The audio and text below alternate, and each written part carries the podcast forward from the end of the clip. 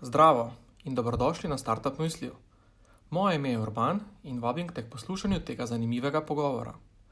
Startup Mysliji so podjetniški pogovori s prepoznavnimi imeni domače in tuje startup scene, namenjeni deljenju in izmenjavi izkušenj, pridobivanju novih znanj ter širjenju mreže povezav.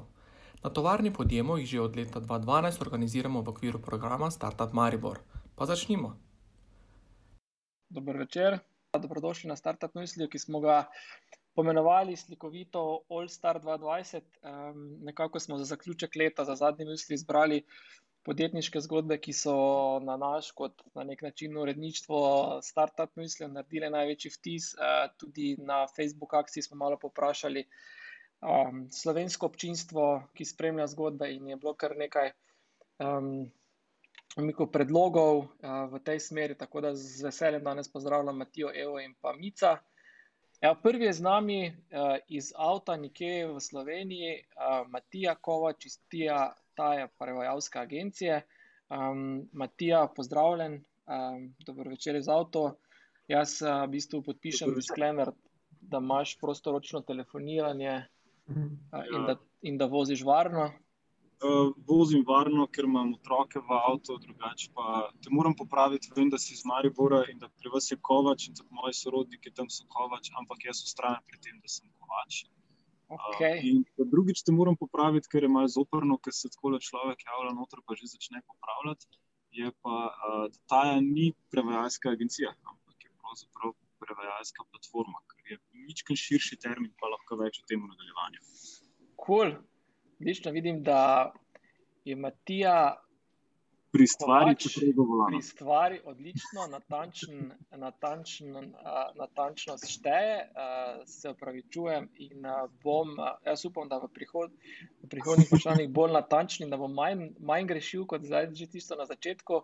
Matija, malo, malo za uvod, skratka, zgodovina, na kratko tvoja v tem, v tem podjetju.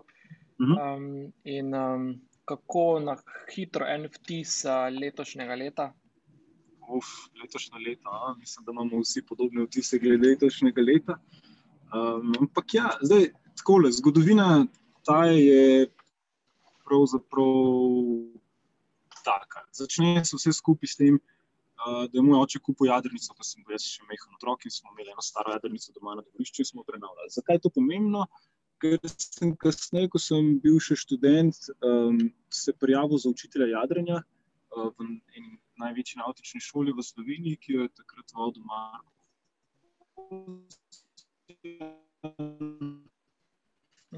Ki je zdaj tudi moj poslovni par. In če ne bi moj oče bil tako noč takrat. Um, in ja, in smo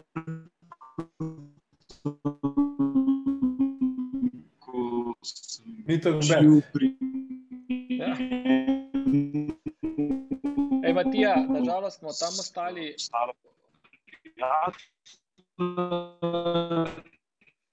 Matija, na neki tam... točki sem jaz rekel, kaj pa če bi mi dva kaj več delali skupaj. Kako? Ostalo mi je, zmanjkalo si nam tam, da si povedal, da je tvoj oče norc. Ne?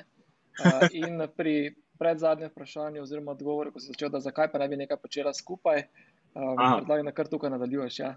Okay. Uh, a se zdaj slišimo v redu? Ja, ja zdaj je. Ja, sorry, klej se po nekih hribih vozim, čist ne napovedano uh, in nepričakovano.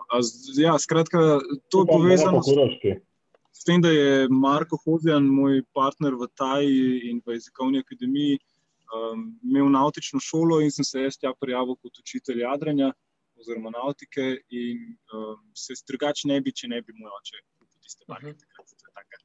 Fun fact. Um, potem pa je v bistvu naneslo, ja, da smo se pogovarjali o tem, da bi kaj več delali skupaj. In je Marko rekel, um, kaj pa če bi naredila jezikovno šolo, ker, je, ker sem jaz uh, študiral kitajščino, oziroma takrat sem že zaključil s študijem, pa še pedagoško smer sem imel na geografiji zraven, tako da sem imel primerno usmeritev iz tega, on pa je že imel šolo se pravi, nautično. In sva nekako potem začela graditi jezikovno akademijo. V parih letih je to postala ena od največjih, če ne največja jezikovna šola v Sloveniji. In zgodilo se je, da smo začeli za vedno več podjetij izvajati jezikovne tečaje, ta podjetja pa so nas potem začela prositi tudi, če lahko za njih prevajamo kaj. In se nam je odprla še ena dodatna niša, um, kjer pa smo v bistvu ugotovili, da je trg zelo zastarel, da se je zelo malo spremenil v zadnjih desetletjih, oziroma desetletju na področju prevajalske industrije, in da bi bilo pametno, da, da se kaj naredi novega na tem. Uh, naprimer, da se avtomatizira določene postopke. In tako se je v bistvu rodila ideja za Tajo, za aplikacijo, ki omogoča um, prevajanje z veliko mero avtomatizacije, um, ne samo pri samem prevodu, ampak tudi pri vseh postopkih, ki so povezani s tem, da se neko prevajalsko agencijo ali prevajalsko podjetje vodi nek prevajalski proces. Um, tako da smo v bistvu takrat potem uh, začeli razvijati ta koncept, uh, ga pripeljali do nekega demota, od tam naprej je pa v bistvu vse skupaj zgodovina. Uh, kjer pa tudi ni nadremal, verjetno, že kaj več ve, če sem prav opazil, se je prej pridružila. Živijo, Nina. Vidim, da, zato, da si super skoncentriran na tem. Odlično. Uh, da spremljaš tudi vse, vse ostale udeležence na Zumu, vidiš podjetniki, ste multipraktiki. Uh, hvala, Matija, za ta um, uvod. Um, kasneje se bomo še v taj se še kako posvetili. Nadaljujemo pa z. Um, Evo, Evo, živijo. Živijo. Kaj rečem, servis iz Valenja? Um, ne, z mislinje.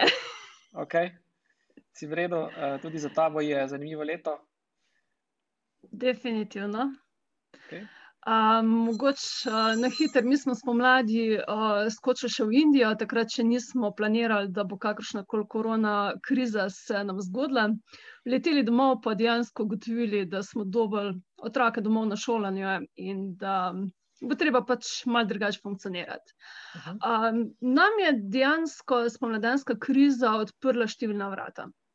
To pa zaradi tega, ker lansko leto smo bili zelo aktivni na predstavitvah naših poslovnih modelov. Uh, in spomladi so nas začeli kontaktirati veliki, kot Atlantic Group, ne rabimo rešitev, da se izdelajo zadeve iz našega odpada. Teda, takrat smo sploh videli, kaj sploh imamo, pa dejansko na katerem novem poslovnem modelu je treba delati. Tako da se nam je zgodilo prav to, ja, da smo še že na kako temo naprej. Ne, samo predn, predn nadaljuješ, prosim, da te prekinem slučajno, če kdo obstaja v tej vesolni Sloveniji, ki ne ve, kaj Ivgrin počne, še da povej, kaj vi, s čim se vi ukvarjate. Ja, uh, naša misija je, da poskušamo industrijski odpad, odpad od kmetov, dejansko skompandirati z novo mešanico, uh, ki je osnova za izdelavo zelenih, inovativnih produktov, ki naravi ne ostanejo odpad, ampak dejansko se razgradijo. In sicer čisto enostavno postane hrana za mikroorganizme. To je neki tisti fokus, ki ga držimo. Um, s tem pa ja, res veliko smo pilotirali v zadnjih letih, tudi v letošnjem letu smo še iskali nove poslovne modele, ampak očitno se nas to kar drži. Ta stvar, ki jo držiš tukaj na sliki, uh, ki jo zdaj gledamo, je kaj? Je krožnik, je lonec, je kaj je to? Uh, to je krožnik našega polskega partnerja, Um, ta slika je nastala na Mosu leta 2018, čisto na času naših začetkov. Od zadaj se vidi naši ti razgradljivi lončki, ker takrat je to bilo edino, kar smo imeli. In če smo hoteli stojnico vse do, dostojno zastopati, uh, smo mogli dodati še podobne produkte. Zaradi tega je to ta. Krožnik je zdaj pšeničnih otrobov, uh, je jedljiv, dejansko ga res lahko poješ. Uh, smo pa uspeli prepričati gospoda Pahorja takrat na mostu, da je celo grizno v ta krožnik, čeprav je gospa, um, ki je odgovorna za celo proceduro, res skakala tam zraven, ker to ni uh, klasičen pristop, kot tvoji stojnici pristopi. Kaj je to zabeleženo tudi na njegovem uh, Instagramu, kaj drugače se ni zgodilo? ja, je bilo na njegovem Twitterju. cool. Evo, odlično. Bravo. Rod. Uh, hvala, Eva, kasneje se še seveda vrnemo. Uh, Mic, um, hey. dvo, dva, dva milijonta prodana knjiga uh, pred zelo kratkim. Um, pred uh, tudi zelo kratkim smo na Startup Slovenija, Facebooku objavili en taki zanimiv mini intervju s teboj in uh, videli, v katerem si objavil sliko za Radotom, oziroma sliko Radota, ki je na parkirišču študija Moderna pakira v bistvu knjige, vaše digitalne knjige.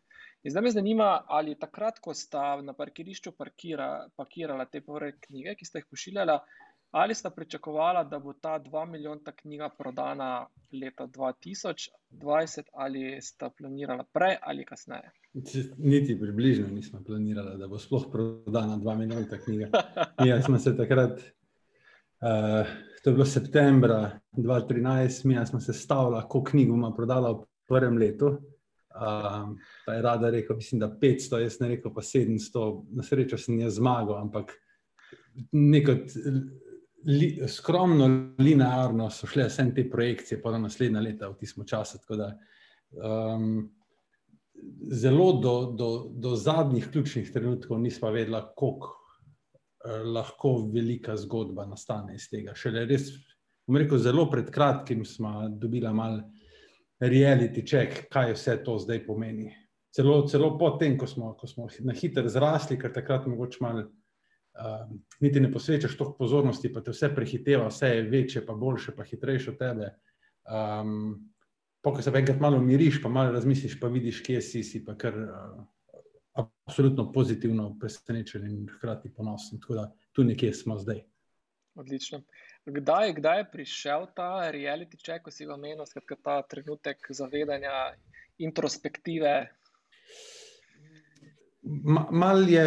Um, ne bom rekel, da je, da je uh, sploh ne žalosten, ampak um, vsaka zgodba doživi ta reality check, po mojem, takrat, ko, um, ko zadihaš, ko pogledaš na stvari, ki se, ki se dogajajo, pa ki so mogoče lahko vsem uh, eventualno nekoč uh, kakšna grožnja podjetju. Pa to zdaj ne mislim tako slabo, kot zveni, ampak ko smo enkrat dali stvari na papir, število zaposlenih, prostore, število partnerjev, število um, strank, potencijalnih, potencijalnih problemov, kakršnih koli, takrat pa vidiš, kako veliko pošasti v bistvu sam svet naredil.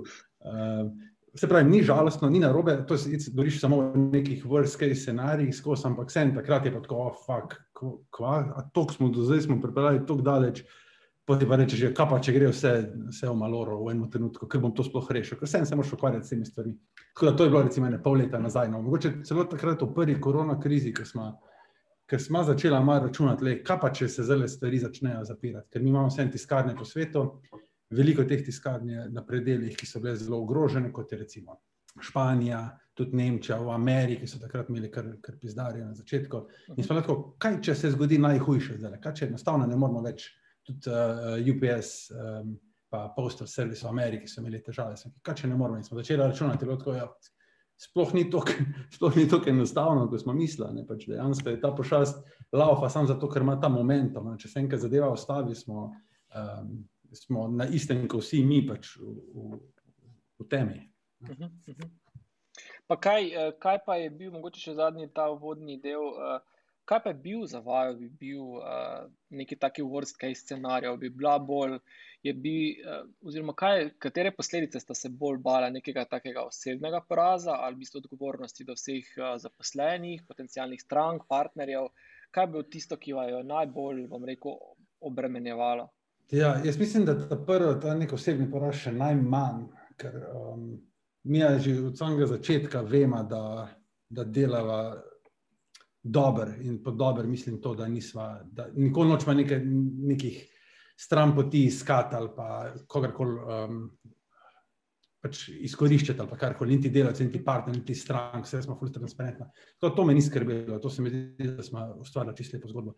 Ampak je enostavno to, da bi, veš, da moraš, da uh, primer. Hispanic market v, v Ameriki se je zelo drugače odzval na korona krizo, kot pa rečemo temu ostala populacija ameriška. In na tem, modelu, na tem segmentu nam je zelo padla prodaja. Ne? In če bi se taka zadeva eh, preslikala še na več drugih trgov, bi lahko bili primorani odpuščati, bi bili primorani um, dobre poslovne partnerje, ki jih imamo, pač dati na, na, na stranski tir oziroma jim zmanjšati neke zadeve. Tako da zelo na hitro bi mogli sprejeti neke ukrepe, ki vsi vemo, ker greš ti en korak nazaj, pa smo ga šli vsem, zdaj preventivno, en korak nazaj, je tako ali drugače, malo, rečemo, temu slabe volje. No? Mhm. Jo, nisem hotel zdaj ful takega dramatičnega začetka narediti iz tega, ampak se mi zdi čisto prav, da se tudi to pove. Seveda, ja, sej, mislim, konec koncev ne moremo se izogniti temu, da je za nami dramatično leto. Tako da, um, v bistvu, ne, to vrste misli, o katerih mogoče, ali pa sem jaz pripričan, da premalo govorimo, ne sodijo tudi na tak, to vrstne pogovore, kot je današnji. Tako da super in ja. hvala, da si to delil z nami. Um, če nadaljujemo zdaj, torej tematiko ali pa današnji pogovor sem nekako strukturiral okrog štirih nekako tem. Eno je nekako ta vstop na trg, raziskava trga, v bistvu, kje um, ste za, za, začutili, uh, kje čutite ta trg, v bistvu, ki vas vleče, ki vas je potegnil. Um, drugo je seveda s temi tujimi trgi povezan marketing. Uh, tretja stvar so nekako investicije, ki so vas um, tudi potisnile v neko, uh, v neko višjo orbito in pa malo v bistvu pogleda vnaprej. Zdaj, če začnem z tem prvim delom raziskave in razvoj produktov, um, um, Matija, vidva sta z Markom naredila še takrat v okviru jezikovne akademije neobsežno raziskavo med 300 prevajalci, 50 obstoječimi strankami. Je vajna storitev nekako izhajala iz zelo strukturiranega pristopa tega šolskega customer discoveryja. Um, mogoče malo več o tem poveš in zakaj, uh, je bil, če je bil sploh ja. ta korak pomemben? To je, po mojem, eden najbolj pomembnih korakov, ki jih uh, podjetniki često zanemarjamo. Um, in še v bistvu pri nas raziskava trga še danes vsak teden praktično poteka. Um, če ne drugega, vsakega novega zaposlenega, skoraj da vsakega novega zaposlenega, ki ga dobimo, uh, napotimo na to, da, da preuči naše konkurente, potencijalne konkurente, podjetja, ki so v branži in pride nazaj z neko, z neko oceno. Tukaj se mi zdi, da pač tudi mi dva smo naredili kar precejšno domačo nalogo že takrat, ampak še zdaj se nam včasih zgodi, da se nam pojavi nekdo na trgu, ki dela milijone, pa mi sploh nismo vedeli za njega, ker je toliko nišen, ker um, smo del pač res izjemno, izjemno velikega pa razprošenega trga. Um, tukaj, po mojem, je na mestu ta podatek, pa ne maram toliko podatkov na tresat, ampak prevajalska industrija je težka okrog 56 milijard dolarjev letno. In uh, to je približno trikrat toliko kot glasbena industrija za uh, posneto glasbo, spravo brez koncertov. Um, in, ko, in vsako leto raste nekaj 5-6% stabilne rasti. In to pomeni, da je pač res veliko igralcev tam zunaj, um, hkrati pa ni nobenega igralca, ki bi bil um, zelo močen. Pravi, ni to nek tak trg, kot je um, mogoče ta um, high-tech trg, običajno, kjer imaš um, enega ali pa nekih pet večjih playerjev, ki pokrivajo 20% trga. Tukaj tega skoraj da ni, tako razprašeno, da je res neverjetno. Najdeš vse žive pristope in variacije, in tudi naš je eventualno precej unikaten. Tako da, ja, če lahko dam klem, mogoče kakšen nasvet je. Um, vedno delajte analize trga, ker se trg vedno spremenja, sploh v takih industrijah kot je naša, kjer je zelo, so zelo veliki koraki, pa se zelo hitro dogajajo. No. Um, in nikoli ne zanemariti tega, pa še nekaj, um, kar sem se tudi letos naučil, je, da mogoče ni najbolj, da samo sami delate analizo trga, je zelo bistveno, da jo, ampak včasih se splača tudi kupiti kakšne podatke oziroma dobiti kakšnega opinion leaderja ali pa nekoga, ki na, na trgu ve bistveno več kot vi, ki je tam, ki bolje pozna industrijo. In tudi, če stane neki kupiti te podatke, ki se lahko izjemno veliko naučite in marsikatero napako pošparate v nadaljevanju. Hvala. Meni se zdi super um, in vedno znova fascinantno, koliko prostora je za podjetja in za koliko poslovnih priložnosti na globalnem trgu. Um, tak, eh, človek bi na hitro ali pa tako zelo posplošeno pomislil, da okay, prevajalski servisi, prevajalske agencije, Google Translate, uh, ne vem, enih par teh zelo popularnih uh, ali pa masovno razširljivih pripomočkov za prevajanje, tu zihar ni nekega prostora, nekega biznisa, ampak vedno znova se dokaže in izkaže.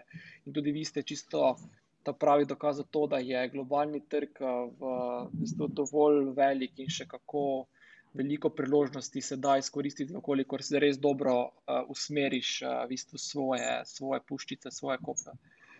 Ja, nekako je tako, da če je nek trg zelo poln, pa zelo zasičen, je verjetno tudi nek razlog za to. Um, in razlog je, da se ali da zelo enostavno, pa zelo nizkimi stroški vstopiti v ta trg, se pravi, da ni neke hude investicije za to, ali pa da dejansko ta trg omogoča toliko velikih playerjev. In prednosti tega trga so, da je popraševanje že tam. In vse, kar moraš narediti, je biti malenkost boljši ali pa malenkost drugačen z nekim twistom, priti zraven, um, pa bo že lahko en delček tega trga pobral. Za primerjavo, recimo, slabost nekih trgov, ki ne obstajajo, ki so popolnoma novi, um, je pa točno to, da so sicer prazni, ampak ljudje ne vejo, da to rabijo, ali pa ljudje sploh ne vejo, da ta zadeva obstaja. Tam imate pa potem bistveno večjo investicijo v to, da morate najprej osveščati sploh um, vaš potencijalne kupce o tem, uh, da sploh rabijo nekaj kupiti v resnici. Ne. Nas že vejo, da nekaj rabijo, pa vejo, kaj jim trenutno deluje, pa vejo, mogoče, kaj jim bi bilo mogoče lahko malo bolj všeč, kako bi lahko stvari izboljšali. In če malenkost izboljšate tisto, kar že zdaj dobivajo, um, to boljše, če pa to še bistveno bolj izboljšate z neko, recimo, temu revolucionarno tehnologijo, ki jo mi tudi želimo razvijati, eh, je pa to še toliko večja prednost, da lažje nastopiš na takih trgih. Matija, se ti zdi na ključe ali, ali, ali ne to, da imaš tako mali, bom rekel, tehnološki ali pa start-up trg, kot je Slovenija, dva relativno prepoznavna igralca na področju teh prevajalskih tehnologij, torej to ste vi, pa, pa Instatext, če se malo v bistvu. Ja, naivno predrzen, pa vas druga, druga panoga. Ja, oni so bolj na področju uh, proofreadinga oziroma um, poprave pisanja, ni to prevajanje. Pri nas je bolj poudarek na, na prenosu pomena iz enega jezika v drugega. Um, zdaj, mislim, da ni to taka, tako na ključe, ker je prvič. Bistven podatek, ki ga, po mojem, vsi se zelo dobro zavedamo, je, da Slovenci v povprečju govorimo vsaj dva tuja jezika, um, eni tudi več in smo na splošno narod, ki je prisiljen se ukvarjati z jezikom, pa z, um, z, z prevajanjem. Mhm. To, to je, mislim, da tisto, kar velikrat prispeva k temu, da smo kar precej inovativni, tako na področju poučevanja oziroma učenja tujih jezikov, kot na področju prevajanja, pa verjetno tudi malce česa drugega še. Uh, tako da smo bili že od nekdaj lingvistično zelo močen narod. No. Super. Torej, to ni na ključe. Hvala. Um, rado tudi vaša storitev, oziroma produkt je na nek način povezan z. Kdo? Vaš, vaš produkt je povezan z.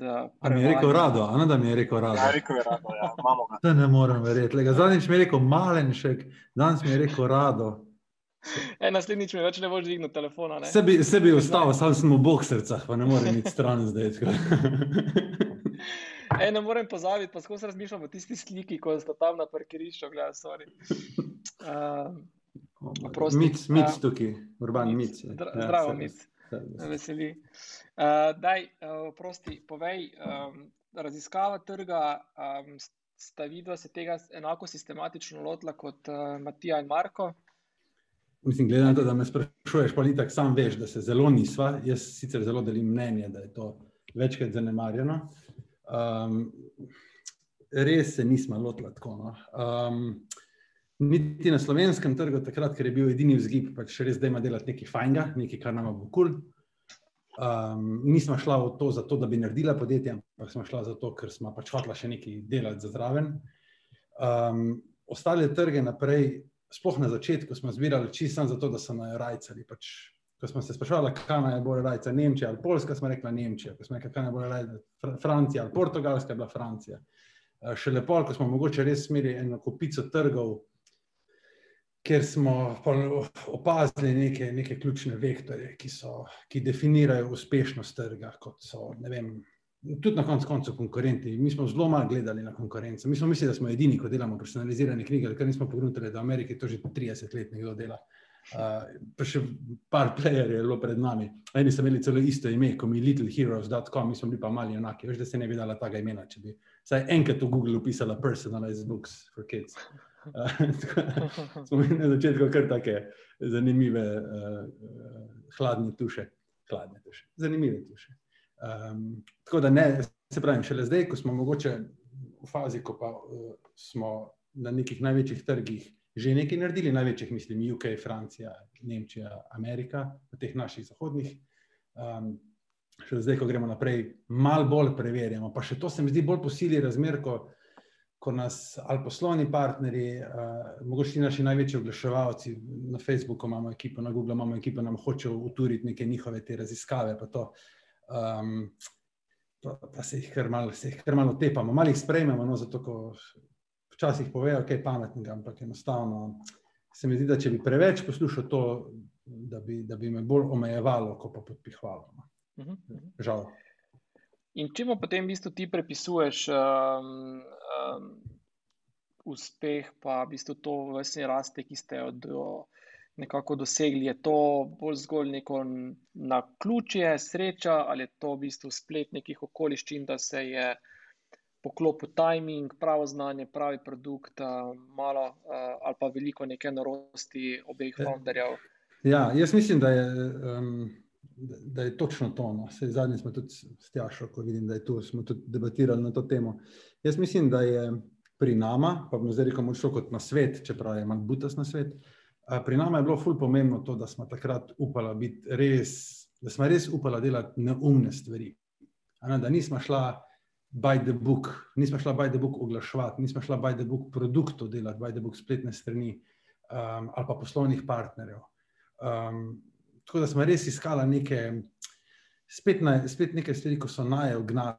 Vse še zdaj smo s temi kardešjenami, pa bekami. Pa to, to ni, mislim, res ne moš kupiti knjige, ko piše How to get a A-list influencer for free in pol bereš tam po glavi, pač ni tega.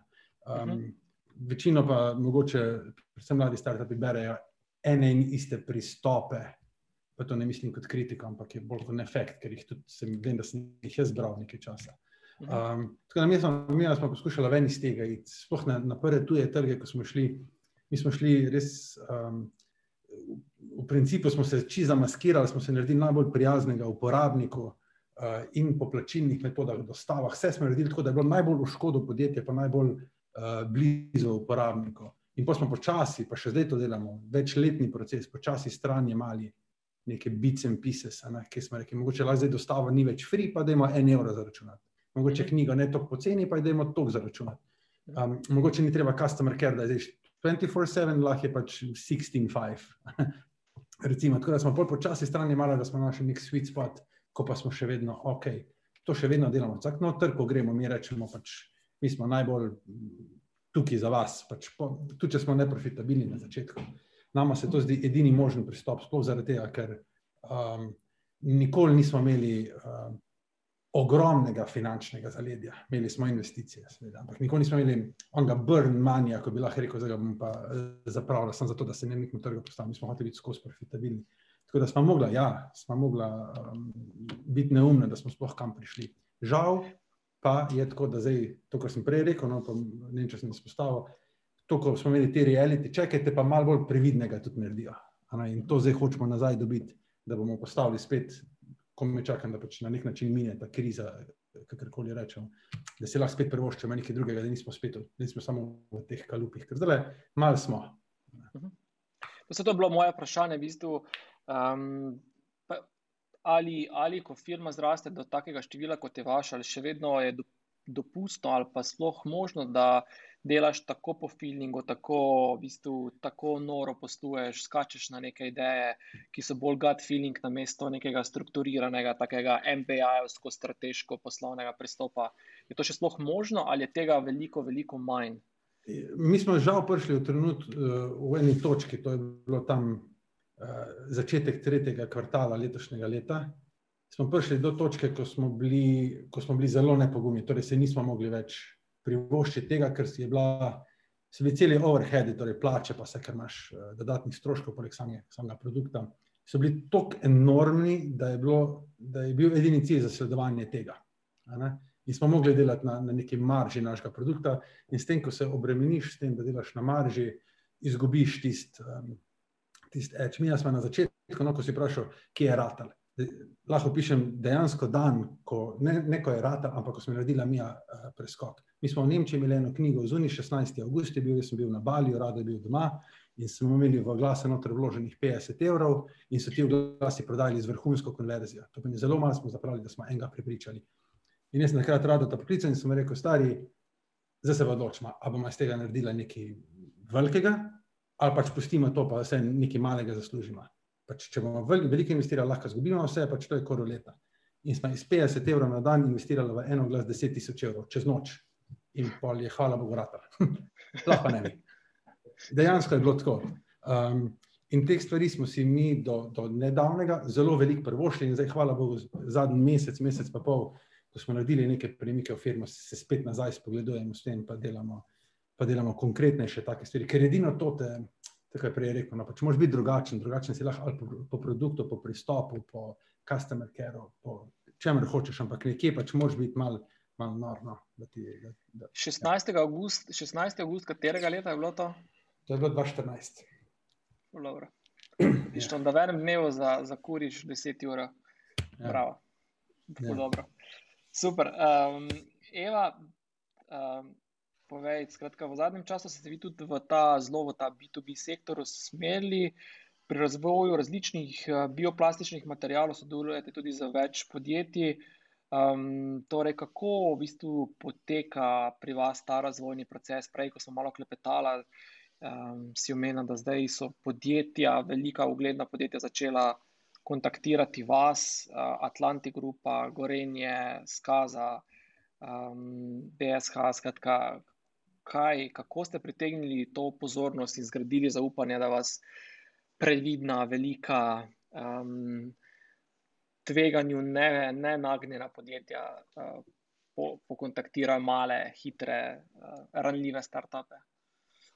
Ja, mogoče bi bil čas, da gremo malo nazaj in sicer mogoče v letu 2019. Um, takrat smo se mi zelo, zelo trudili pripričati različne uh, evropske plastičarje, uh, da bi posegli po bioplastičnih rešitvah. Ampak je ponovadi to ostalo tam pri vzorčni prodaji granulata in to je to. Ne? Nihče ni želel um, dejansko cele serije izdelati predvsem zaradi tega, ker so to lepljivi materijali, ne to so pač določene karakteristike. In potem smo videli, kaj pa če mi izdelamo celotno zadevo, od materijala do končnega produkta, pa produkt samo prodamo naprej. No, to nam je bilo že malo bolj jasno. Uh, res pa je še nekje bil decembra, oziroma lansko leto novembra, še en tak uh, presečni datum, da je naš ekolončen postal nacionalna inovacija GZS-ja. In zaradi tega smo tudi uh, dobili številna povabila uh, na specializirane um, konference, da predstavimo svoj poslovni model oziroma našo rešitev. In letošnjo leto, v začetku leta, je to šlo samo še naprej, tako da smo se mogli na hitro zverzirati, posneti video, audio predstavitev, kar dejansko nismo več mogli pohendlati vsega. In ko smo letos pred kratkim delali analizo, smo ugotovili, da smo kljub korona obdobju bili prisotni na 42 specializiranih konferencah. In prav zaradi teh konferenc um, smo imeli potem 21 navezanih takih res dobrih kontaktov in to velikih, večjih, uh, srednjih, večjih slovenskih podjetij. Um, tako da si nikoli prej nismo mislili, da če se bomo pojavljali na kakšnih konferencah, da nas bo sploh kdorkoli opazil. Uh, doseg je bil pa tam nekje okoli 7000 poslušalcev oziroma udeležencev teh um, konferenc. Moramo povedati, da tudi 10 od teh, oziroma 11 jih je bilo mednarodnih, um, tako da avtomatsko smo se nekje izborili tisti, tisti del predstavitev, uh, da dejansko lahko pozorimo na nas. Um, zdaj, kaj je bilo še po, pomembno, ne, na kak način pritegniti pozornost um, Gorenja, recimo, da te resno jemlje, ali pa Atlantic Grupe. Uh, mogoče nekje najbolj enostaven kanal za nas je, uh, da se udeležimo različnih B2B dogodkov, kot ste recimo B2B na podiumu ali pa na Future 4.0. Uh, in morda uh, rezultat v lanskem letu zaradi tega se je vzpostavil res dober kontakt z gorenjem z oddelkom malih gospodinskih aparatov, z BSH-jem Nazarje za dva različna projekta, pa tudi skazo. Letošnjo leto je bil pa rezultat sodelava s Firštom, z gorenjem razvoj, pa z Iskra Emiko. Tako da, ja, nam to res funkcionira. Pa še to, ne, večkrat, uh, ko avtomatsko industrijski partnerji slišijo za tebe, oziroma slišijo za dobro prakso, kaj si že naredil, kakšne izdelke si dal na trg, večja je potem verjetnost, da priješ na ena na ena sestanek. Uh, pol naslednji korak pri nas je pa to, da imamo že konkretne izdelke v roki in preko izdelkov predstavimo, kaj lahko njim dejansko rešimo. Evo samo to, kar si zdaj omenila v teh, te projekte v preteklih dveh stavkih. In koliko predstavitev ste imeli, zdaj meni točno ni zdaj jasno, ali vas je 200 v podjetju, ali je tvoj dan. Uh, ja. 200 ur, uh, kako je to? V lanskem letu. Ja. V lanskem letu sem se res ukvarjala ogromno s temi predstavitvami. V začetku letošnjega leta pa sem rekla, da se z tega več ne gremo, ne? ni podrazno, prav to mislim, nimam toliko časa, da, da cele dneve samo hodiš po konferencah. Uh, zato smo na hitro naredili posnetek um, in sicer audio, video, prezentacijo. In potem, ko te povabijo na dogodek, dejansko deliraš prezentacijo um, z temo, ki jih zanima tako da imamo zdaj, mislim, da štiri ali pet takih čisto specializiranih predstavitev različnih, uh, z različnimi vidiki. Um, da, to je to, kar je letošnje leto res pilo vodo. Kaj pa torej? A se sliši res grozno? Sliši se ogromno, skratka, toliko, toliko stvari, razvojnih projektov, velikih razvojnih partnerjev za tako majhno ekipo se sliši uh, enormno veliko in uh, čestitke na tem mestu, super. Um, skratka, tudi za poslovni model ste večkrat spremenili ali pa spremenili. Um, kako je to vplivalo, oziroma kaj, na, zakaj uh, ste tako radikalno, ali zakaj ste sploh spremenili poslovni model? Ja, uh, prej sem že omenila, ne, da na naš v začetku smo bili pač na MOSU izbrani kot mladi talenti. To je bila tista naša prva predstavitev sploh in takrat. Um, smo se pa avtomatsko osredotočali na kupce. Predvsem zaradi tega, ker nas je zanimalo, kdo kupuje naše lončke, ali so jim funkcionalni, izključno iz, iz vidika izdelka. Ves čas smo imeli v glavi, ok, rešitev smo naredili za nas, ampak kaj, če za kupca ni dovolj dobro? Um, kaj, če ti lončki ne razpadejo dovolj hitro v zemlji? Um, kaj, če je treba narediti nek nov dizajn? To je bil neke vrste naš hobi program, ti smo časa. In preko tega smo nekje uh, naredili intervjuje z 500 uporabniki, in meni se zdi, da to bil čisto pravi način pristopa na trg, ker smo takrat res videli, kaj deluje, kaj ne deluje, in kje moramo dejansko se mi v čim krajšem času zverzirati izboljšati oziroma zapolniti tiste vrzeli in iti naprej. Um, da, to je bil neki začetek. Uh, je pa res bil en preseg, to je bil pa marca 2019, um, ko je na portalu siol.net um, bil članek um, pod rubriko Slovenija zna in sicer o naših rešitvah, kaj smo razvili, skoncentrirano na ekolončke, kako to razpade, kako se to uporablja v tem kontekstu. In ta članek um, se je tisti vikend bil objavljen v petek in do nedelje zvečer ga je prebralo 20 tisoč slovencev. Uh, mi si nikoli v življenju nismo predstavljali, um, da bomo v ponedeljek zjutraj, ko bomo odprli mail, dobili 11 konkretnih popraševanj in to izključno samo od industrijskih kupcev. In to nam je bil alarm, pismo, kaj se ukvarjate z končnimi uporabniki, če pa imate čist en velik bazen kupcev, uh, direktno industrijskih uporabnikov, ki pa rabijo prav te rešitve, kar vi ste razvili za sebe. Uh -huh. um, in tistem trenutku od marca, um, takrat smo imeli problem, kako vseh 11 naenkrat pohendlati, zaradi tega, ker definitivno nismo imeli ne kapacitet, um, ne energije, uh, ekipa treh, um, tako da je bilo skoraj misija nemogoče. Uh, zaradi tega smo jim samo uh, preposlali v prvi fazi podpis NDA, da vidimo, kdo je sploh resen, pa kdo sploh gre naprej. Uh, štiri so podpisali NDA in s temi štirimi smo začeli delati. In točno iz tega bazena je tudi podjetje Sveča DO, ko smo za njih potem lanskem letu, v šestih mesecih, razvili visokotoplotno obstojni granulat, ki je osnova za pokopališke ohišja sveč, ki je zdaj pred kratkim postal tudi nacionalna inovacija GZS letošnjega leta. Super, čestitke. Ja.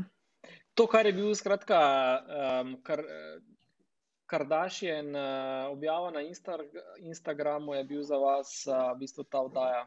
Uh, malo, malo primerjave, skratka, en tak v bistvu preboj, um, ki vas je kaj, ne ravno podnesel med zvezdami, ampak v bistvu en taki omogočen uh, naj... naslednji korak. Ne? Ja, mi smo se prav hecali takrat v ekipi zaradi tega, ker to je bil točno tisti teden, ko je bila ta zgodba o punci, ko se je odrezala roko. In smo rekli, vse ne moreš verjeti, samo ta punca nas je prehitela, glede na uglede ne, člankov, tako da smo bili direktno takoj za tistim člankom. Upam, da niste, niste dobili tako zelo. Vemo, kje imamo obdobje. Niste dobili kakšne nore ideje za marketing. Uh, Mic je gotovo zdaj dobil že kakšno idejo za marketinški pristop. Um, Marko, ste imeli, Matija, ste imeli vi kakšen taki podobno izkušnjo ali pa dogodek, ki je mogoče nek tak preskop, kot je zdaj omenila Eva ali pa. Um... Zdaj te pa imam, Urban, zdaj si pa še mene Marko poklical, prej pa Mica rada. e, veš, e, veš kaj? Uh, tako kot ima mic, veš, levi pa desni kozarec, imam jaz tu levo pa desno steklenico. Da, ja, točno to sem hotel reči. Delo od doma. Kjer bi bil tak moment pri nas? Um, mislim, definitivno, mi se tudi z Micom pa, Paradom poznamo še iz takrat, ko smo bili z jezikovno akademijo v finalu za mladi podjetnik leta um, v Ljubljani.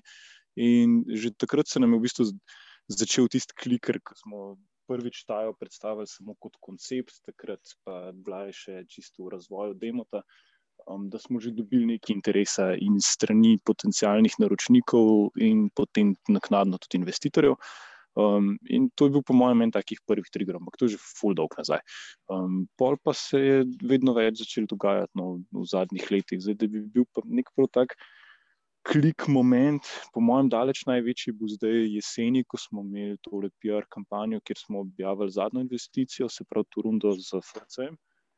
Um, in tukaj smo pa zdaj v bistvu mogli preseliti spletno stran na močnejše serverje in tako naprej, da smo pač handali trafik ne?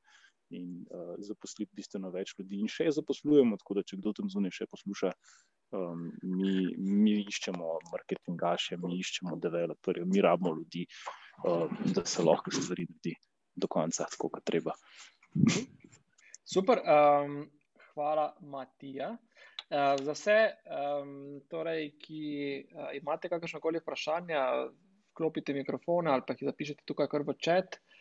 Um, tako da z veseljem tudi poberem, spremljam ta vprašanja. Če lahko zamenjujem imena, lahko še kako drugo norost tukaj ščeta poberem, tako da kar z veseljem navalite. Um, zdaj, če gremo naprej, ne, zdaj od te neke izhodišne prve faze raziskave trga vstopa na trg, ne, um, pa mogoče zdaj uh, vsi ste v neki taki fazi hitre rasti, ekspanzije. Um, zdaj, Mi se že malo omenilo, kako sta, ste si z radom na začetku izbirali tuje trge, skratka, tako zelo po, po nekem feelingu. Um, Eva, vi ste zelo tak B2B, da se bolj zdaj ukvarjate, se mi zdi, z partnerji, kot pa v bistvu s trgi. Se, se, se motim, imam prav. Um, ja, in ne.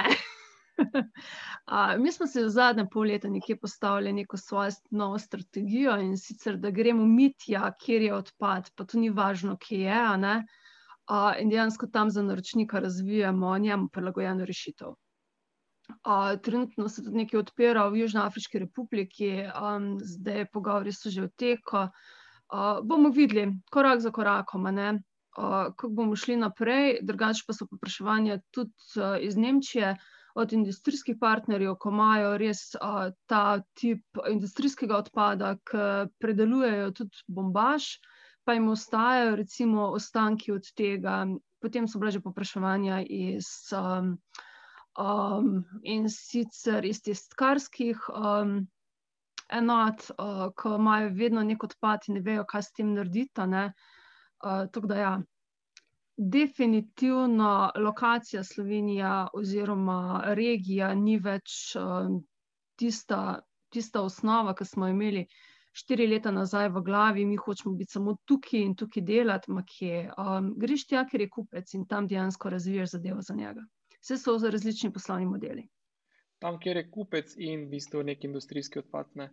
Um, in definitivno ne delaš nekih dodatnih logističnih, transportnih zadev, ampak dejansko probaš uh, zadevo zapeljati tam na licu mesta. Super. Um, Mi je tu kakšna povezava z vašimi tiskarnami? Vi imate tudi kar nekaj tiskarskih partnerjev v vaši mreži. Imajo kaj, če imajo kaj odpada? ne vem, največ. Um, mit, uh, kako pa vi, skratka, zdaj v tej fazi ubirate uh, nove trge in vstopate v nove trge? Prej si omenil, da ste v bistvu zdaj že v fazi, ko zaznavate neke vektorje, uh, verjetno imate postavljene neke menike, neke kriterije, KPI-je, po katerih ocenjujete, kateri trg je zdaj naslednji. Um, uh -huh. kaj, kaj, kaj bi rekel, ali ste še vedno zelo tak pri pri takem gut feelingu in nekemu zanimivosti. Ja, vedno smo pri gut feelingu. Um, en, ena, ena pomembna odločitev, oziroma ena pomembna stvar je, uh, ne vem, kako poznate naš model. No, mi smo zelo uh, šli iz uh, čistih otroških knjig na knjige za družine, torej za vključitev staršev, in zdaj prehajamo tudi v knjige za, za odrasle. Um, in ena izmed naših največjih sezon je dan očetov. Dan očetov je pa, glede na to, v kateri državi živiš, ob različnem datumu. Um, Italijani imajo to marca, Nemci imajo to maja, Američani imajo to junija, um, mi nimamo, kot vem. Um, in recimo odločitev za to, zakaj smo odprli Avstralijo, je, bila, je prišla iz, tega, iz te strani. Oni imajo Father's Day, uh, dan očetov, torej uh, prvi, prvi teden septembra, in mi, ker smo vedeli, da imamo v tretjem kvartalu um, pomankanje dela, bomo tako rekli, oziroma da nimamo nekaj, kar bi lahko, kjer bi lahko skalali. Uh, imamo pa vseeno zelo, zelo dobro delovno moč. Takrat smo mogli neki en trg najti, ki bo, ki bo lahko nahranil to naše podjetje takrat z delom. In to je bila takrat Avstralija. Niti približno to ni edini kriterij, po katerem odpiramo trge, ampak pač je en. Um, zdaj v tej fazi se ukvarjamo s tem, kako najbolj optimalno odpirati nove trge, ker mi dva na začetku smo imeli uh, metodo, da smo vsakmu trgu določili country managerje, določili prevajalce, določili. Uh, Da smo na vseh trgih lansirali vse produkte, da smo delali vse sezone, in tako naprej, na kar smo zdaj v zadnje pol leta pač naredili neko segmentacijo trgov, kjer po različnih um, karakteristikah trga vrštimo v eno izmed štirih kategorij, ki jih imamo, in glede na to kategorijo mu damo določeno stopnjo pozornosti, oziroma kadra, in tako naprej. Tako da zdaj se ukvarjamo, kako vstopiti na manjše trge, na nek čim bolj lin, kot se temu reče, način, da ne, bi, da ne rabiš zdaj ekipe eksponentno večati. Ker, um, Kot Matija je rekel, zdaj rabijo full delavcev, da bojo pač poskalali to, kar imajo. Uh, mi smo šli skozi isto, kar se je pa pol zgodilo, je to, da um, vsaka, vsak nov premik naprej, ali je to trg, ali je to produkt, ali je to sezona, ne zahteva več, torej premo so razmerno rast uh, delavcev v firmi, ampak naenkrat se to zgodi eksponentno. Ti rabiš pa kar nekaj neke kadre, ki jih prej, na katere prej mogoče sploh nisi pomislil.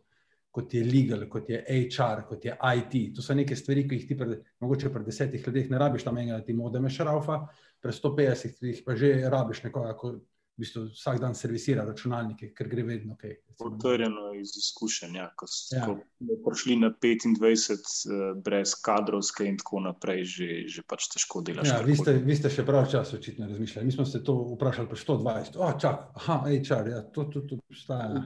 Mi se tudi nismo to vprašali, random je, točno ena punta, katero stura in smo ful zadovoljni z njo. Tako da, uh, Ja, no, pač to, to so pa neki, neki ti sateliti, kot je v bistvu servis, ko drži firma na koncu skupaj, um, ko pa začne hitro rasti. Uh, Kako sem sploh prišel do te teme, nimam pojma, ampak upam, da sem kaj pametno.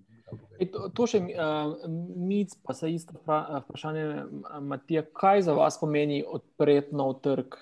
Um, pomeni v smislu, prej si omenil, torej kadri, resursi, zdaj vstopate na malo manjše trge. V kaj pomeni, kateri trg ste, recimo, kaj, omenil si Avstralijo, recimo, kaj pomeni ne. odpreti trg Avstralije, tak v smislu, okay. vem, koliko je to resursov, vem, časa, denarja, kadrov, kaj to pomeni, da si znal okay. plastično predstavljati. Mi, pač to je za nas eh, ja. poslo specifično, mi moramo najti najprej poslovne partnerje in ključnih je tiskarna. Tiskarna mora imeti full stack service, kar pomeni, da mora ne samo printati, ampak mora tudi imeti uh, dogovor z logističnimi službami in mora biti vse od tega, da dobijo od nas PDF, da sprintajo, zapakirajo, pošljajo. Um, oni morajo tudi biti v nekem sistemu, ker imamo mi vse na nek način komuniciramo s vsemi tiskarnami in imamo pač svoje zakonitosti, ki jih morajo oni tukaj poštevati. Pol so tukaj uh, računovodstvo, pravniki, če se le da, odpremo podjetje, sicer v Avstraliji ga nismo, ampak imamo ga v Ameriki, imamo ga v UK. Um, um, zdaj smo že tam, ko vse na začetku hočemo imeti neke konkretne uh, računovodske in pravne nasvete, v smislu, kje je uh, meja za prijavo za, za odvajanje davka in tako naprej. Ne bom šel v detajle, ampak to je prvi korak, da smo vidimo, a trg pije vodo za nas. Um, od tu naprej, na srečo, je pa vse v naših rokah, torej vse v rokah teh, ko delamo v Ljubljani. In produkti, in marketing, uh, prodaja, vse delamo pač od nas. Tako da mi moramo samo imeti neko osnovno infrastrukturo na tem trgu postavljeno, da lahko lah prodremo tja. Uh, seveda, prevodi so daleč največji zalogaj za nas, ker sem, smo v segmentu otroških knjig in vsi vemo, da zelo težko biti kupil slabo prevedeno knjigo. Slabo prevedeno knjigo iz albanščine v, v tvoj jezik. Recimo tako smo imeli na začetku v Nemčiji težave, ko smo šli, ker so bili tako, neki iz juga so pa nam prodajajo tole otroške knjige, valjda, da nam kupo tega. Tako da ja, to, to postavimo, zdaj že vemo kako. Um, ekipo poskušamo začeti zelo pametno, ne preveč ekipe, ampak poskušamo poservisirati iz obstoječih. In potem, ko vidimo, da se zadeva prime, kar ima spet seveda svoje um, karakteristike, pač potem skalamo tudi ekipo, če je trg temu primeren. Če ne, pač ostanemo low-key. Okay. Ampak še enkrat, zdaj, če lahko tem, tem, uh, v bistvu temu opisu dodaš še kaj številk, uh, če uh mhm. -huh. ni to zdaj pre, prevelika neka skrivnost. Um, ni sploh. Koliko knjig, ali pa recimo, če zdaj se pogovarjamo o knjigah, koliko knjig recimo, ste mogli ali pa morate v Avstraliji prodati, da se vam investicija v odpiranje trga sploh povrne? Um, Ma, ne, ne znamo odgovoriti na, na to vprašanje, zdaj, ker nikoli nimamo, uh, fulj je težko meni potegniti pred tem, koliko je legal department investiral za odprtje Avstralije. Lahko si nekaj rečeš, ok, eno osmino svojega časa, ampak to je bolj zato, da imaš neko računico. Mi bolj gledamo to. Um, Trgu damo vedno dve sezoni časa, da se dokaže in se pozicionira v neko stvar. Če v teh dveh sezonah se mi pozicioniramo kot nekdo na trgu, ki um, ki ga ljudje iščejo, ne samo, da moramo mi uporabiti to push promocijo. Če drugače povem, da se nam Google advertising poveča, to pomeni, da ljudje intenzivno iščejo nas, rečemo, da se je trg dokazal. Zdaj, ko knjig lahko okvirno povem, recimo, da je odprtje enega trga za nas med, med 30 in 50 tisoč evri. Uh. -huh. To je neka ocena, to pomeni vsi prevodi, page, eh, zaposleni. Uh, čas, ko ga mi, management, investiramo, to bi rekel, da je to recimo 50 ur, da ga preberemo. Okay. Super, kul. Cool. Uh, Matija, imate vi kakšne take postopke um, za odpiranje novih trgov, kako se vi tega lotevate? Uh, pri vas je verjetno drugače kot uh, pri malih junakih. Ja, mislim, mi nismo tako prostorsko vezani, kot smo mogoče bolj vezani na neke branže, na katere ciljamo. Um, naš produkt je spet izrazito B2B, v smislu, da ga predvsem na, naše storitve naročajo podjetja, ne pa fizični kupci. Um, in zdaj ta podjetja se običajno precej razlikujejo, glede na to, v kakšnih branžah so. Um, čist enostavno, eh, ko prevajamo navodila za uporabo za nek bagr um, je to precej drugače, kot ko prevajamo recimo spletno stran oziroma spletno trgovino, ki prodaja erotične izdelke. Vse so dejanski produkti, ki, ki jih delamo. Um, ampak uh, to, to so bili bolj te ne, um, kjer smo pač ciljali uh, s šibrovko na okrog in kar smo zadeli, smo pobrali in smo se učili z trga. Zdaj, ko smo mičkam bolj dozoreli, um, bolj vemo, kaj se nam bolj splača delati, oziroma kakšne naročnike in kakšne tipe tekstov pokrivati pri teh naročnikih. Um, kje se nam bo splačalo investirati, koga se nam bo splačalo onboardati, s kakšnimi podjetji delati. Tako da smo začeli tudi bolj sistematično na tem področju delati, da identificiramo, kaj je bolj pametno, in potem na podlagi tega pripravimo nek case study z nekim naročnikom, ki je um, za to področje tudi bolj mednarodno priznan. Um, pripravimo vas kontent, ki s tem pride, začnemo kampanje, lansiramo, optimiziramo, testiramo, in potem v končni fazi skozi lead generation, končno pridemo do sestankov s potencijalnimi kupci, kjer jim potem pokažemo našo rešitev in jih pridobimo, da začnejo uporabljati um, našo rešitev na mesto njihove obstoječe, uh, kar, karkoli že uporablja, je to neka uh, tradicionalna agencija ali je to in-house uh, ekipa, ali, uh, ali pa celo dopolnimo obstoječo in-house ekipo. Recimo, um, tako da bolje je v, bistvu v tej fazi ne toliko prostorsko, da gremo skozi to, ker lahko. Mislim, imamo tak produkt, ki ne zahteva dostave fizične, tako da ga lahko lažje prodajamo globalno.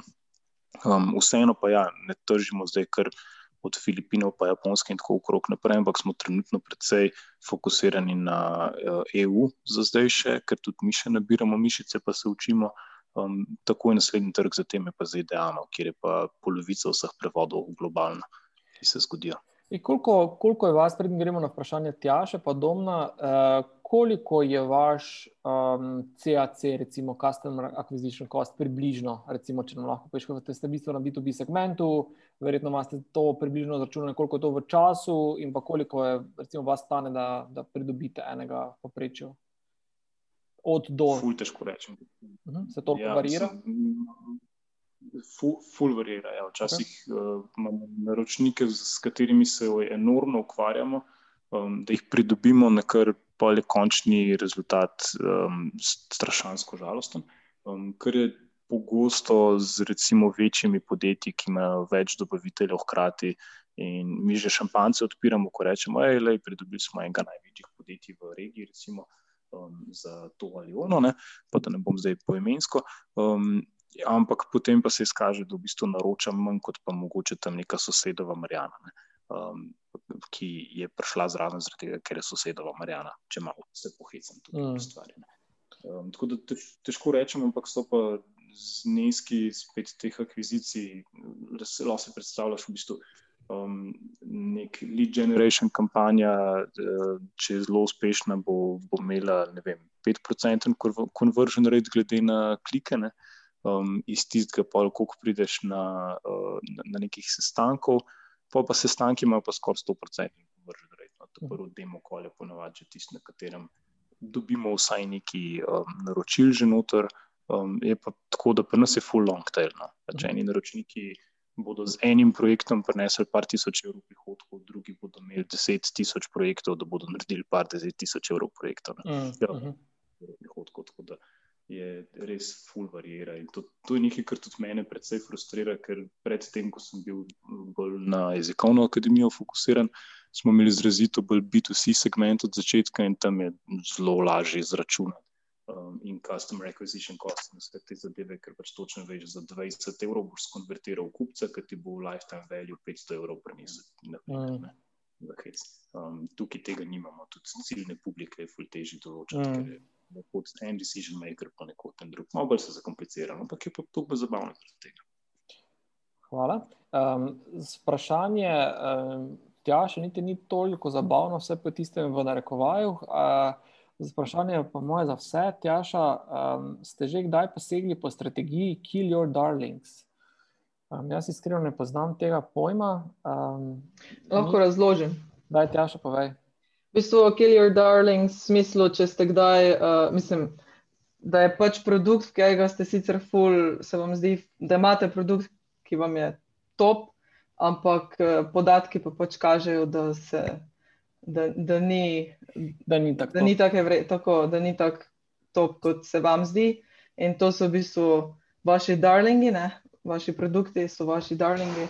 In če ste kdaj v bistvu že to naredili, pa kako je to izgledalo. Hvala. To je, to je po slovensko strategijo, po hrvaško strategijo črne vdove. Um, Mic, uh, Eva. Lahi, mislim, jaz bi se navezal na tisto, kar sem prej rekel. No, pač mi um, vsem zasledujemo strategijo, da investiramo um, čim več v produkte, ki delujejo.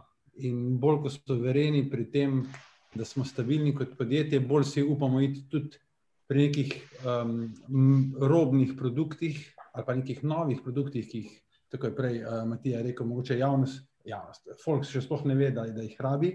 Um, smo nekaj časa zelo upali pušati tudi če so bile številke negativne. Uh, tako da zdaj nekaj časa, jaz bi rekel, predvsem zaradi te, tega krča, v katerem smo se znašli pol leta nazaj, smo bili zdaj par mesecev v tem, da smo rekli, da okay, ti produkti pač očitno zahtevajo investicije od, od nas, niso to performance, da bi lahko pač enostavno delali, da bi bil dobičkonosen že samo prodajo iz prve. Torej smo dali neke produkte na stranski tir, ampak nismo jih pa nismo jih pa usmrtili, še za enkrat, na srečo. Eva? Ja, pismo. Jaz sem toliko takih projektov. Uh, sicer zdaj sem res v tej moji uh, sobi, kjer so bili še pred mesecem dni vsi uh, razstavljeni, pa sem se zdaj odločila, da je čas, da, da jih spravim svojega življenja. Uh, mogoče sam, če ti pogledam nazaj, že leta 2015 vem, da sem takrat kot zaposlena še v avtomobilski industriji pač začela razvijati uh, različne bioplastične produkte. In en od teh prvih zadev je bila tudi, uh, ja, verjamem, ne, ekosveča. Uh, in sicer takrat uh, sem poskušala, na kak način bi se na trg lahko spravila ekosveča, ki se dela z odpadnega kuhinjskega olja, pa je potem bolje šel s to zgodbo naprej. Uh, A, jaz sem dala na stran, nikoli si pa nisem mislila, da dejansko bomo res enkrat razvili poko, pač pokopališko kompostabilno svečo, ki bo pristala v 500 tisoč kosih na slovenskih policah v roku pol leta. A, to, da, ja. A, včasih je pač mogoče treba dati kak projekt na stran, pa potem, ko prije pravi čas, a, začneš vleči tiste stare analize ven spet na dan, pa mogoče takrat narediš boljšo zgodbo, kot bi jo včasih prej, predtem naredil. Super. Ti si ga dala samo klinično, oziroma si dala jih klinično, malo uspavati, pa potem nas daje. Temu se reče, malo smo priprli vrata. Kaj, Marko, Mat Matija?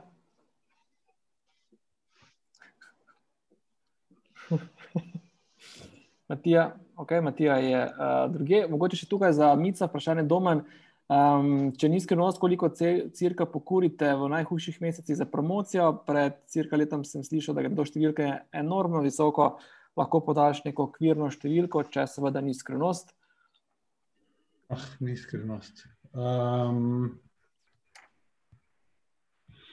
letos smo do zdaj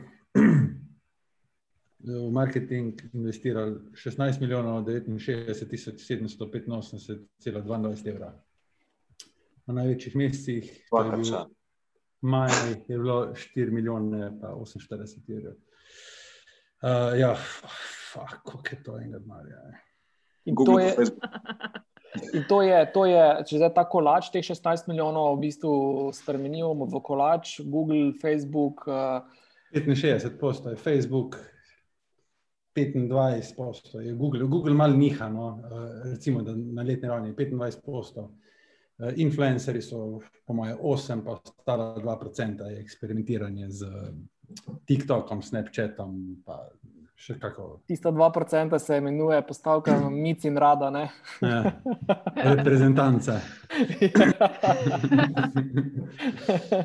ja, tudi ga, ker. Prosim.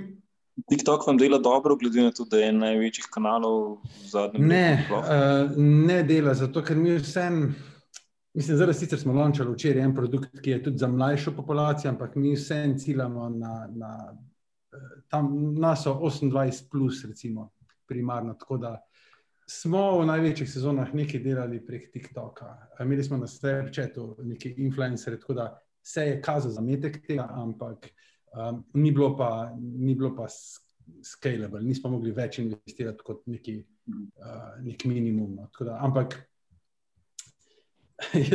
Jaz mislim, da tole nisem pravi naslov za, za to. Je kdo drug bolj v tej debati? cool. Zdaj, v osnovi je ura, ura nam kar je pobegnila, v bistvu deset minut, če imamo časa, tako da jaz predlagam, da še stavite, pa malo reaktivirate čat za kakim takim zanimivim vprašanjem. Um, sicer pa se tako pomikamo v nekako zaključni krok vprašanj. Uh, um, Matija, investicija 1,2 milijona, um, kaj, kakšen zagon, kje bo ta ja, v bistvu čez eno leto, ko bomo se znova pogovarjali. Če ne pravi, seveda, um, kam se bo premaknila s to investicijo, kakšne številke. Ja, samo upam, da bo kdo drug vedel, kaj se tudi sprašuje, uh, ki bomo čez eno leto. Ne, to je, uh, ja, zdaj, uh, to, jaz sem še zmeraj malo mal tako. No v, oblakih z vsem tem, ker uh, si, začneš nekaj delati, pa gradiš uh, doma za svojo mizo, pa potem kar ljudje začnejo to kupovati, pa vedno večjo ekipo gradiš, pa iz ene firme pa v drugo firmo. Pa je tisti baby, ki sem ga prej mogel um, ubiti, ki je vprašala, mislim, da Tjaša. Um, je bila recimo za me jezikovna akademija, sem jo mogel dati v posvojitev, um, pa bi jo mogel dati že prej in če bi jo dal že prej, bi lahko tudi na taj že več naredil. No, ampak zdaj stajajo pa s tem 1,2 milijona, to je pa v bistvu nekaj, kar izredno hitro kurmo, pa menda, da še prepočasi, po besedah naših investitorjev, da moramo še hitreje kuriti, če hočemo res naskočiti trg. In um, to je v bistvu denar, ki nam končno omogoča narediti tisto vizijo, ki se je začela že štiri leta nazaj, nekje v moji in Markotovi glavi. Um, in končno lahko začneš uresničevati tiste sanje, pa idejo, ki si jih imel, ker do zdaj smo mogli skozi vse neki selotej, pa skrb sestavljati, pa ne, iz, iz užigalc graditi, pa, pa se igrati s nekim peskovniku. Zdaj pa lahko naredimo, ne da lahko moramo narediti um, nekaj, kar, moramo, kar mora tudi dejansko vrniti nazaj um, tisti potencial, ki ga obeta. Um, tako da nisem, da je čudovita priložnost tudi neko psihološko, eh, nekaj, kar se predtem mogoče nisem zavedal, tako hudo breme, um, da moraš to delirati zdaj. Da zdaj ni več hihihaha, ne? zdaj pa to nek hobi projekt, kjer um, se lahko igraš. Uh, ampak je to nekaj, kjer moraš res, res dati vse od sebe, zgraditi vrhunsko ekipo in um, zgraditi produkt, ki bo dejansko to tudi vračal nazaj, da upravičiš to zaupanje v takih velikih številkah, kot ti je bilo dano. No. Um, kje bomo čez eno leto? Um, jaz pričakujem, da bo ekipa nekje 3 do 4 krat večja kot je. Um, pričakujem, da bomo povečali prihodke za crka petkrat minimalno do drugega leta, do konca drugega leta, ker smo um, res dobro zastavili s to ekipo, ki smo jo zdaj zgradili v zadnjih parih mesecih. Um, in mislim, da se nam dobre stvari obetajo. Zdaj pa upam, da ni noben zapisal dol, pa posnel tega, kar sem zdaj rekel, ker pa mi boste drugo leto decembra uh, spet za jezik potegnili. In tako to bo vse na podkastu, nič se ne bo nikjer zapisalo, samo predvajano bo in shranjeno za veko, maj veke. Če pa en, mogoče na svet, da če že prepočasi kurite denar, jaz predlagam, da mica radota najamete za kak. Bomo hitro, bomo hitro spičili tole. um, Renato sprašuje. Oprosti, kaj si, kaj si rekel, Matija? Ja, pravim, da glavnina tega bo šla zdaj v prvi fazi v razvoj, takoj zatem pa v advertising. Ja, pravi, da, da, da povečaš prepoznavnost, pridobiš ljudi in jih konvertiraš v userje. Ja, koliko sem jaz slišal, ima Mic težko roko na tem uh, pedalu za marketing, tako da zna, če zna iz, pe, iz 50 na 10 ure pohoditi, potem uh, ne. Pol, Um, Renato sprašuje, koliko se vam zdi, da je vaš uspeh rezultat trdega dela in strategije, uh, koliko pa vam prispevala sreča. Um, Mi ste se malo tega že dotaknili, um, Matija, um, da je še ti od, odgovor. Trdo, pametno delo, um, biti na pravem kraju, na pravem času, pa je bolj mogoče iz vidika tega, da spoznaš ta prave ljudi. Sprav, pejte ven, družite, najdete ljudi, ki so primerni, ker um, dober kader vam bo pomagal zgraditi podjetje. Um, sreča sama po sebi, pa bolj v smislu tega, da spoznate ta prave ljudi, ki vam bodo pomagali to narediti. Matijo, omenil si zdaj eno um, zelo uh, da eno tako pregrešno misel ne, za te naše čase, pojdite ven, družite se, spoznavajte. Um, sem se malo figurativno, ampak eh, vi zdaj ogromno zaposlujete. Uh, kje zdaj v teh časih, ko je vse več ali manj zaprto, vsi visimo na teh zumih, uh, kje najdete kader, kako jih zaposlujete, kakšen je ta postopek iskanja kadriranja v teh relativno zahtevnih časih, uh, ko pa je ta pristno osebni stik toliko pomemben pri ta pravih kadrih? Ja, je, je težje. Um, mislim, manjka definitivno ta osebni stik, kjer lahko nekoga v petih minutah na ena na ena sestanku hitreje evalviraš, ali je primeren za kulturo podjetja ali ni, ali je deloven človek ali ni. Um, ampak se da, no, velik del procesa lahko speljemo tudi online. Um, smo pa tako, da še zmeraj kar ustrajamo pri tem, da se z večino kandidatov, ki smo jih zaposlili v zadnjih treh mesecih, tudi dobimo v živo pa um, spoznamo osebno, vsaj enkrat, dvakrat um, od začetka. Um, potem pa, potem pa itak, ja, smo pa zelo distribuirano podjetje. No, zdaj, mislim, da nas okrog polovica dela od doma, večino časa. Mhm. Cool. Hvala. Um, evo, zdaj pa res uh, pet minut, zadnje vprašanje. Zadnje vprašanje, tu še je Barbara Sorčič eh, postarala vprašanje za Mica. Če bi kaj spremenili v strategiji podjetja na začetku, kaj bi to bilo? Mic vklopi časovni stroj, pomakni se dve, tri leta nazaj in si zamisli, kaj bi spremenil. Ta čas, ko Mic razmišlja, ja. Aha, je že. Je že. Je že. Um, bom rekel, zelo malo bi spremenil, ampak bi pa par zadev, mogoče se ene konkretne bi dotaknil, ker sem jih tudi glih pred kratkim z eno kolegico debato politike. Um, zelo fajn se ti na začetku zdi, uh, se nam je, pa mogoče še komu, se ti zdi sodelovanje z nekimi partnerji, uh, ali je to co-branding, ali je to. Um, Tako malo mal ti daje potrditev to, da nekdo hoče s tabo sodelovati, tudi če ni zdaj po, po, po brendu višji od tebe ali kaj od tega. Um, ampak kmalo ugotoviš, da je fajn te stvari vsem imeti čim bolj pod kontrolo, pa biti ti lastnik idej, pristopov, um, česar koli. Um, tako da mogoče to začetno zanesenost, ko smo iskali potrditev pri zunaj sebe ali pa zunaj naših, naših končnih uporabnikov, bi dal par predstav niže, no, ker nas je par zadev, nas je vsem zaklenilo za, za naprej, za rast ali pa za ja, zarastno. Tukaj bi zagotovo drugače odreagiral. Sicer pa mislim, da smo kar par stvari, uh, da smo več stvari naredili prav, kot pa na robe. Super. Jaz mislim, da v enem primeru številke to bolj kot ne potrjujejo, da sta ogromno naredila prav. Hm, ja, čestitke še enkrat. No. Zdaj, um, pač takega um, retrospektivnega pogovora ne moremo zaključiti brez eno malo pogleda naprej. Zdaj, po tako norem letu je verjetno težko planirati um, prihodnje leto, pa vendar ne. Um, kakšni so cilji, zdaj Matija že malo povzel, kje želijo, pa, pa kam ciljajo. Um, uh, Eva, kako vi planirate prihodnje leto? Uh, ciljev je velik, oziroma ogromno bomo videli, kako dolgo bomo prišli iz Južnoafriško republiko. Bolj tisto, um, kako ne rečem, na več frontah trenutno delamo. Uh, ena izmed teh front definitivno je, da je treba podnujno znižati ceno materijala za ekolončke za 50 posta. Uh, smo že zelo blizu, zaradi tega, ker so že naročniki od zadaj, ki bi radi dali rešitev čim prej na trg. Ampak dokler cena ni primerna, avtomatsko še vedno smo ti smo krča, uh, kaj je primerno, kaj ni.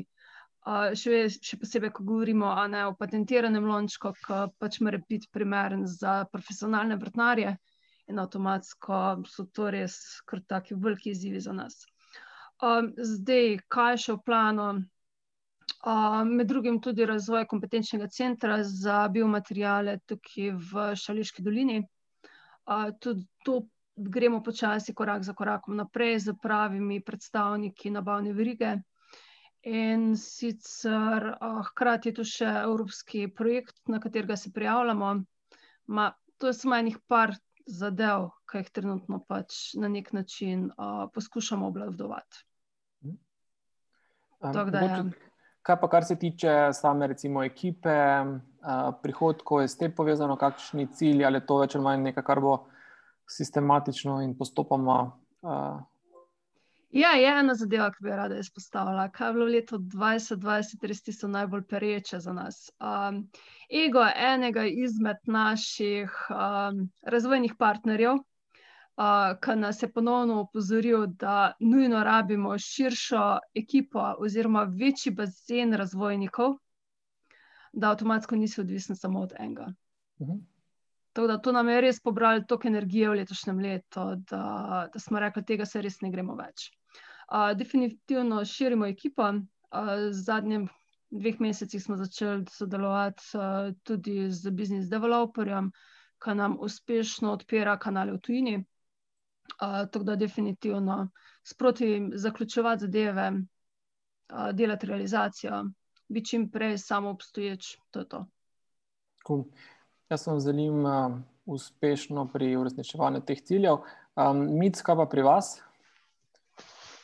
Um, uh, jaz cilji. mislim, da ja. cilji. Ja, ja, ja, cilji. Um, mi smo letos kar zrasli, vsem po prihodkih. No, mislim, da bomo naredili 37 milijonov letos. Jaz mislim, da drugo leto bo prvo leto, ko ne bomo rasli po prihodkih. Oziroma, ni cilj, da rastemo po prihodkih, ampak je cilj um, stabilizacija, predvsem znotraj podjetja, v smislu postaviti sisteme, procese, ki lahko zagotavljajo poslovanje, brez da bi lahko širili ekipo drastično, to, kar sem se že prej dotaknil.